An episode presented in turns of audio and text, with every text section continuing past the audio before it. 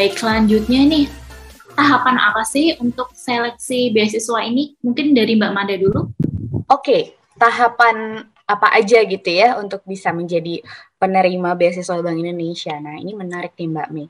Jadi tahapan pertama ini memang ada pasti ada pengumpulan berkas lah ya Mbak Mei ya. Jadi ini dari sisi universitas sih sebetulnya. Kita akan meminta universitas untuk bisa me, ini ya membantu sortasi gitu. Mana-mana teman-teman yang memang bisa masuk sesuai kriteria tadi ya Mbak Mei ada IPK, kemudian surat keterangan tidak mampu dan lain sebagainya. Itu untuk yang unggulan maupun yang untuk eh, untuk yang reguler, mohon maaf, maupun untuk yang unggulan itu sendiri tadi. Nah, nanti dari pihak kampus akan memberikan nama-nama yang memang sudah di rank oleh mereka, sudah di ranking dan yang pastinya yang terbaik ya Mbak diserahkan kepada kita. Kemudian nanti setelah lolos seleksi administrasi, uh, teman-teman ini akan kita panggil untuk wawancara Mbak Mi. Jadi tidak hanya sekedar lolos administrasi aja, tapi kita wawancara Mbak Mi. Nah, wawancaranya ini seputar apa gitu kan? Nah, ini nanti mungkin akan kita bahas lebih lanjut ya Mbak Mi ya, terutama terkait tips and trick dari wawancara.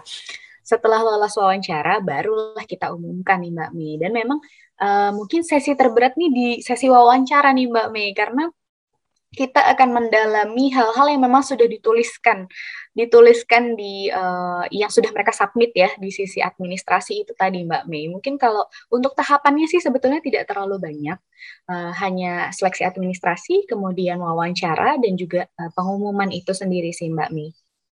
Baik, kalau dari Mas Satrio dulu gimana Mas? Terus kayak ada nggak sih kesan atau pesan sendiri waktu daftar tuh misal ada kesulitan apa gitu dari waktu zaman dulu waktu daftar tuh? Oke, uh, sebenarnya kalau untuk uh, saya melihatnya ya, saya melihatnya kalau untuk seleksi beasiswa Bank Indonesia memang uh, kalau cuma melihat dari tahapan seleksi itu sangat simpel gitu kan kayak yang disampaikan Mbak Manda tadi cuma berkas sama wawancara. Nah tapi di balik itu banyak effort yang harus uh, di di apa ya dilaksanakan gitu karena uh, pertama kalau untuk berkas memang berkasnya cukup banyak sih yang harus kita uh, yang harus kita kerjakan gitu dan itu itu nggak bisa cuma kita selesaikan sendiri gitu karena ada beberapa berkas yang harus didapat dari universitas. Terus termasuk juga kemudian dalam pengisian form. Di situ kita harus sudah mulai menganalisis nih dari potensi diri kita dari SWOT dan lain-lain. Di form itu sudah lengkap banget. Dan itu menjadi sesuatu hal yang harus kita pertanggungjawabkan nanti ketika interview. Karena nanti uh, interview merujuk sedikit ke interview ya. Kalau interview nanti uh, juga bakal ditanyain terkait dengan hal, -hal seperti itu. Nah makanya uh, dari mulai kita pengisian berkas itu harus memang udah bener-bener diniati dengan serius dan disesuaikan dengan keadaan diri kita gitu. Jangan melebih-lebihkan ataupun uh, jangan terlalu membuat diri kita hebat padahal sebenarnya nggak bisa gitu. Nanti bakal jadi bumerang nanti di waktu interview dan lain-lain. Karena kan yang paling menentukan justru waktu interviewnya kan gitu. Karena kita nanti berhadapan face to face langsung dengan uh, Mbak dan Masnya dari Bank Indonesia yang mana itu oh, pasti mentalnya kena banget sih gitu kan karena kan biasanya kita jarang ya interview dengan uh, orang yang memang benar-benar akan menentukan gimana nanti kita ke depannya gitu bahwa lolos atau enggak gitu apalagi dengan pegawai BI-nya langsung gitu. Nah maka dari itu mentalnya juga harus ditata gitu supaya nanti ketika berhadapan nih udah siap dengan segala jawaban dan segala yang ditulis di formulir kemarin itu sudah siap untuk dipertanggungjawabkan. Mungkin itu dulu Mbak Mei. Oke, baik, Mbak. Nah, benar nih Mbak Manda, apa yang tadi di-mention sama Mbak Manda terkait wawancara, karena itu banyak banget juga ditanyain sekitar seputar tips dan trik wawancara, kayak apa aja sih nanti yang bakal ditanyain, uh, nanti durasi wawancaranya itu berapa lama, terus gimana sih cara meyakinkan pewawancara kalau kita tuh layak mendapatkan beasiswa BI, sama nanti mungkin Mas Satria juga bisa uh, sharing pengalamannya waktu diwawancara, waktu, waktu itu ya Mas ya? Ya, monggo Mbak Manda. Oke, Mbak Mei. Tadi pertanyaannya banyak banget ya sebenarnya ya seputar wawancara ini ya. Apa aja yang mau ditanya, kemudian tips and triknya seperti apa gitu kan ya Mbak.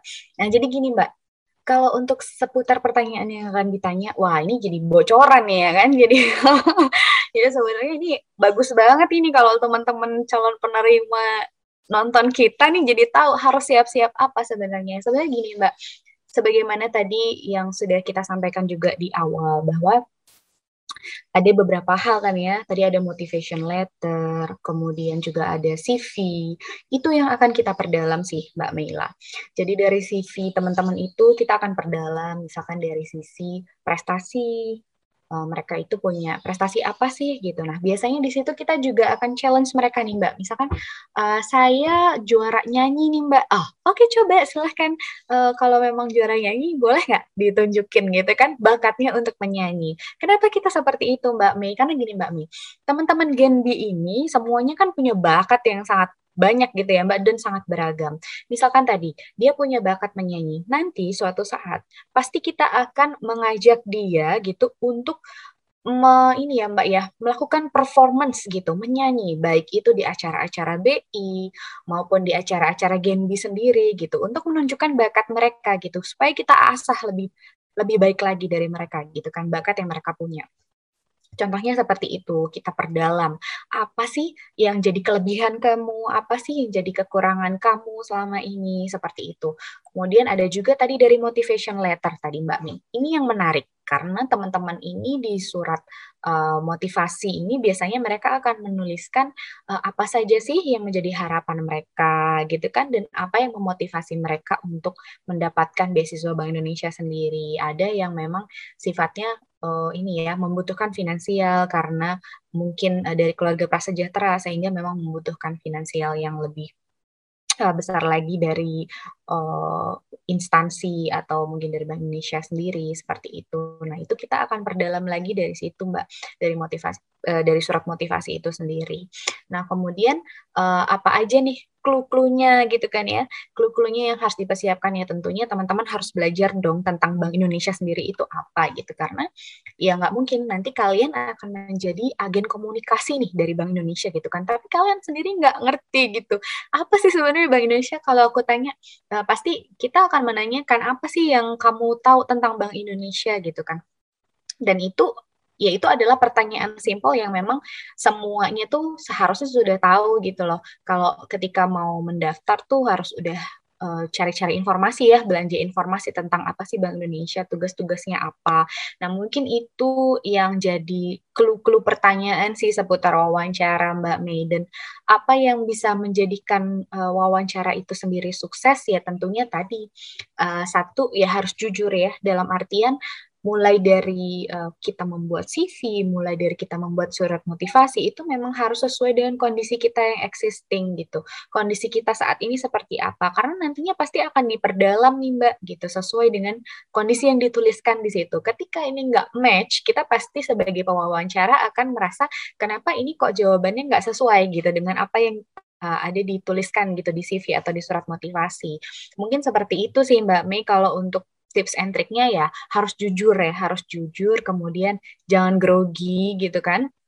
Karena uh, kalau dari sisi Bank Indonesia sendiri kita tidak akan uh, ini ya men-challenge yang terlalu berat gitu kan ya kita akan membuat suasana wawancara ini jadi lebih cair gitu kan, jadi lebih asik lah vibes-nya gitu. Karena ya kita ini mau wawancari teman-teman milenial nih yang yang uh, milenial sekarang ini kan memang cenderung kita harus bisa adaptif gitu kepada mereka harus bisa santai dibawa memang yang uh, luwes gitu kan. Supaya mereka bisa mengeluarkan semua semua yang ada di potensi yang ada di diri mereka sih Mbak. Karena kalau misalkan mereka udah grogi kitanya udah oh, apa ya defend banget gitu kan. Biasanya kan kalau wawancara gitu ya itu udah defend banget mereka grogi. Otomatis potensi-potensi mereka tuh justru nggak keluar dan kita mungkin bisa jadi justru salah pilih anak nih gitu. Justru yang sebetulnya bagus karena dia grogi, dia jadi nggak bisa nih mengeluarkan uh, potensi-potensi yang ada di diri dia yang seharusnya bisa dia tunjukkan kepada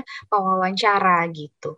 Jadi kita sih memang kalau dari sisi Bank Indonesia sendiri berusaha untuk menciptakan suasana yang sangat nyaman gitu untuk anak yang diwawancarai. Mungkin kayak gitu tuh Mbak Meila yang bisa saya sampaikan dari sisi Bank Indonesia sendiri. Barangkali Mas Satrio nih punya banyak iya. pengalaman kemarin waktu diwawancara nih Mas Satrio. Jadi tenang ya Mbak, gak akan disuruh debus ya kalau wawancara ya? Oh enggak, enggak, enggak. Kalau kayak debus, mungkin itu nanti uh, ini ya ketika ketemu langsung gitu kan. Jadi kita challenge mana kamu katanya juara debus gitu kan juara karate. Karena memang ada beberapa yang seperti itu sih mbak. Kita nggak hanya melihat teman-teman ini dari prestasi akademiknya aja tapi juga dari non akademik mbak. Karena apa? Ya itu tadi mbak. Kita pengen mengembangkan potensi mereka. Siapa tahu kita punya informasi ada kejuaraan A, B, C, D gitu kan. Nah, ini kita bisa dorong nih teman-teman untuk bisa lebih mengembangkan bakatnya. Nah, terutama di Bank Indonesia sendiri ini kita juga mendorong teman-teman untuk menulis Mbak Mila.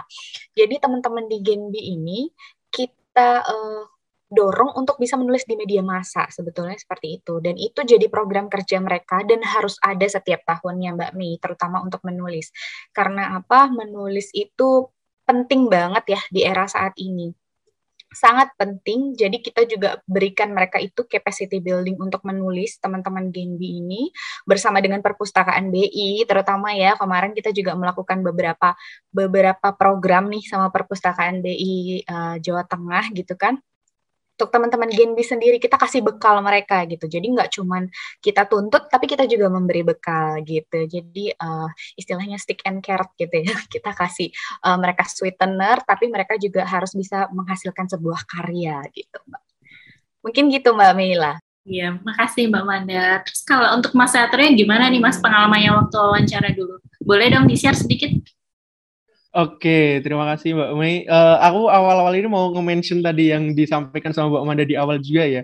Jadi it's really true gitu teman-teman ketika kita disuruh coba untuk simulasi gitu. Pengalamanku nih dulu, kalau boleh sedikit cerita ya, aku dulu tuh di formulir nulis kayak uh, aku aku bisa public speaking gitu. Aku punya pengalaman beberapa kali jadi MC, moderator, speaker di beberapa kegiatan gitu dan betul banget ketika kemarin wawancara aku aku coba gitu. Satria ini kamu di sini nulis kamu bisa sebagai MC coba dong gitu. Kamu jadi MC gitu. Kayak awalnya aku kayak bingung ini seriusan gak sih? Gitu ini beneran gak? Gitu harus MC ketika kita interview kayak gini gitu. Tapi itu beneran gitu. Jadi ya udah gitu. Kayak uh, coba aku MC gitu-gitu Terus ini juga uh, awalnya mungkin aku memang agak agak nggak percaya sih ketika dulu kan aku juga sempat tanya-tanya ya ke, ke kakak tingkat gitu yang sudah diterima beasiswa BI. Ini beneran gak sih kayak gini gitu? Dan dia jawab beneran dan ya aku ngalamin sendiri gitu. Dan so mungkin buat teman-teman nanti kayak aku bilang tadi jangan dilebih-lebihkan gitu. Bisanya apa ditulis di situ gitu. Soalnya nanti ketika nulis uh, aku bisa nyanyi gitu. Tapi ketika begitu dites ternyata kurang gitu kan itu kan jadi bumerang buat diri teman-teman sendiri gitu. Tapi tenang kok nggak semua juga dites gitu. Kalau teman-teman bisa renang juga nggak mungkin disuruh renang di situ juga gitu. Jadi yang memang sesuai aja gitu nanti yang uh, sekiranya mau dites gitu. Nah terus uh, untuk interview ya interview kemarin kebetulan kan uh, saya dapat di 2019 sama 2020 nah ini cukup ada perbedaan yang sangat signifikan nih. 2019 Uh, saat itu masih belum pandemi ya, jadi uh, interview datang langsung ke kantornya BIKPW Jateng, terus interviewnya langsung nih face to face berhadapan langsung gitu empat mata sama interviewernya. Sedangkan yang 2020 berhubung saat itu sudah masa pandemi jadi uh, interviewnya online gitu by online seperti ini gitu. Nah itu tentunya pressure-nya sangat berbeda banget sih gitu.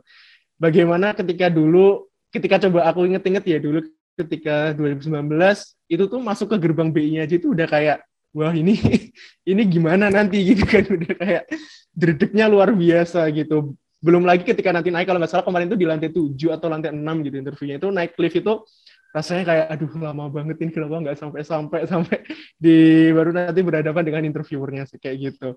Nah uh, terus kemudian ketika 2020 udah lebih nyantai lagi karena kita nggak perlu ke mana-mana kan kita cukup di rumah aja. Terus uh, ya paling uh, nunggu teleponnya aja gitu yang agak uh, susah gitu, agak sulit, agak dredeg gitu karena uh, nunggu teleponnya itu kita kan kita kan udah dibilangin ya nanti hari ini kita ada interview tapi nanti teleponnya tunggu aja gitu nanti uh, menyesuaikan gitu. Itu nunggu satu menit aja rasanya kayak se sejam gitu kan itu saking saking bergejolak bergejolak gitu di hati gitu rasanya. Tapi itu yang menjadi salah satu hal yang melatih mental juga sih makanya uh, tadi dibilang gitu teman-teman harus sudah siap mental dan juga siap dengan uh, segala macam hal kayak gitu. Nah untuk terkait interview apa yang ditanyakan uh, tadi sudah sedikit disinggung juga ya sama Mbak Manda. Udah banyak malah yang disinggung terkait dengan apa yang di, apa yang ditanyakan. Kalau pengalaman aku dan teman-teman karena uh, biasanya kadang dari orang satu dan orang yang lain itu kadang ada sedikit banyak perbedaan gitu terkait dengan yang ditanyakan. Tapi overall sebenarnya hampir sama aja sih gitu. Tadi kayak terkait dengan ke bank sentralan seperti itu, Bank Indonesia ya, ya kita kan sebagai calon penerima beasiswa Bank Indonesia, ya masa kita nggak tahu tentang BI kan ya lucu gitu. Nah makanya kita harus belajar gitu. Terus uh, yang paling banyak didalami memang benar terkait dengan profil diri sih seperti uh, eh, SWOT, uh, eh, kekurangan kelebihan, terus kemudian bakatnya kita apa potensi dan lain-lain. Dan tentunya juga uh, terkait dengan aktivitas yang di luar akademik sih karena kan kita di form itu kita nulis kayak pengalaman organisasi. Kita organisasi itu ngapain aja nah itu yang harus bisa kita ceritakan.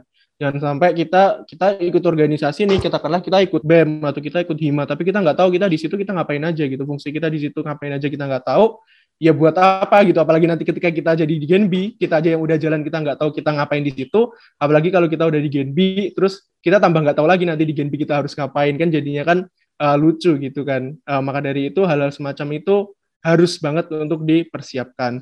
Nah terus kemudian untuk uh, tips dan triknya ya buat teman-teman yang siap nih buat mengikuti uh, wawancara dari beasiswa Bank Indonesia sendiri uh, aku merangkumnya jadi tiga hal sih ada yang harus dipenuhi, harus dipahami, sama harus dimengerti gitu. Yang harus dipenuhi pastinya teman-teman harus menggunakan pakaian yang sopan dan uh, jaringan yang memadai kalau seumpama online gitu. Karena kebanyakan gini, teman-teman dia mau interview, tapi dia uh, terutama ketika kita mau mengadakan interview online ya. Kalau kita mau mengadakan interview online, uh, teman-teman ketika online kan biasanya kalian menggampangkan ya kayak oh ya udah gitu kita pakai apa aja apa adanya aja gitu. Kecuali kalau kita datang ke BI kan kita harus bener-bener uh, touch up ya yang harus pakai make up dan lain-lain buat yang cewek. Kalau yang cowok kalau ada yang pakai juga nggak apa-apa sih. Terus pakai jas alma mater dan lain-lain kayak gitu. Itu uh, kalau offline kan seperti itu pasti. Tapi kalau online hal semacam itu juga tetap harus teman-teman laksanakan gitu. Teman-teman pakai pakaian yang proper pakai uh, kemeja dan lain-lain gitu Kemudian juga kalau online teman-teman harus udah siap dengan jaringan, dengan device. Jangan sampai uh, karena kemarin ada sempat yang sharing-sharing lucu gitu dari uh, Mas Mbak dari pegawai BI juga. Ada yang dia interview tapi uh, katanya jaringannya susah dia nggak bisa on cam lah itu gimana nganalisisnya nanti kan? Itu kan pasti klasik sih sebenarnya dan ya oke okay lah jaringan. Tapi teman-teman mau interview beasiswa loh ini nggak main-main loh gitu kan. Jadi harus benar-benar dipersiapkan sampai segitunya kan pastinya kayak gitu Nah, terus uh, yang itu yang pertama harus dipenuhi, itu harus banget dipenuhi. Terus yang kedua harus dipahami. Yang harus dipahami ini terkait dengan sekiranya materi apa aja sih gitu yang bakal nanti ditanyakan. Tadi udah sempat dimention di awal ya terkait apa aja yang sangat mungkin untuk ditanyakan. Nah, itu teman-teman harus paham dulu nih. Ya harus belajar lah, nggak mungkin teman-teman uh, mau interview tapi nggak belajar ya. Malamnya belajar dulu terkait dengan uh, apa sekiranya yang perlu yang perlu untuk dipelajari dan apa sekiranya yang nanti akan ditanyakan. Toh ketika memang nanti dita ditanyakan juga nggak sia-sia kan kita belajar juga gitu karena pasti ada ilmu yang bakal berguna juga gitu. Itu yang kedua harus dipahami. Dan yang ketiga yang terakhir ini harus dimengerti. Harus dimengerti ini terkait dengan sikap lah, sikap apa yang uh, akan kita tunjukkan ketika kita interview gitu. Karena nggak mungkin ya kalau kita interview kita flat aja kan nanti interviewnya juga males gitu kan pastinya kan kayak kita jawabnya datar cuma oh iya uh, enggak uh, bisa jadi gitu kan nanti kan bakal jadi mager juga kan interviewernya. Nah, bagaimana tentang kita uh, mengelola emosi diri kita dan juga nanti bagaimana kita mengelola emosi dari interviewernya juga gitu supaya kita tuh jadi menyenangkan interviewnya. Jadi kayak ya like ngobrol gini aja gitu. Jadi mengalir asik gitu. Nah makanya teman-teman harus menunjukkan bahwasanya ketika kalian interview kalian harus semangat nih antusias banget gitu. Karena semangat dan antusias itu dari mimik wajahnya sudah bisa kelihatan teman-teman gitu. Tentang bagaimana kalian yang antusias bener-bener sama kalian yang mager-mageran gitu. Kalau mager-mageran kalian udah kayak natap uh, natap layar aja males gitu. Natap kalau offline ya natap uh, interviewernya aja males gitu. Nah itu jangan sampai kayak gitu. Kalian harus menunjukkan bahwasanya kalian kan benar-benar semangat. Kalian antusias nih buat ikut kegiatan ini. Jangan sampai derdeknya tuh kelihatan. Oke okay lah pasti kalian grogi pasti kalian ada satu dua hal yang membuat kalian merasa tidak nyaman karena kegrogian kalian gitu. Tapi itu harus minimal mungkin ditunjukkan gitu. Sebisa mungkin kalian harus enjoy tenang kalian menunjukkan dengan sikap uh, semangat dan antusias kayak gitu. Terus uh, harus selalu menyenangkan. Menyenangkan di sini maksudnya adalah teman-teman uh, diberi sebuah anugerah yang luar biasa dari Tuhan yaitu berupa senyum gitu.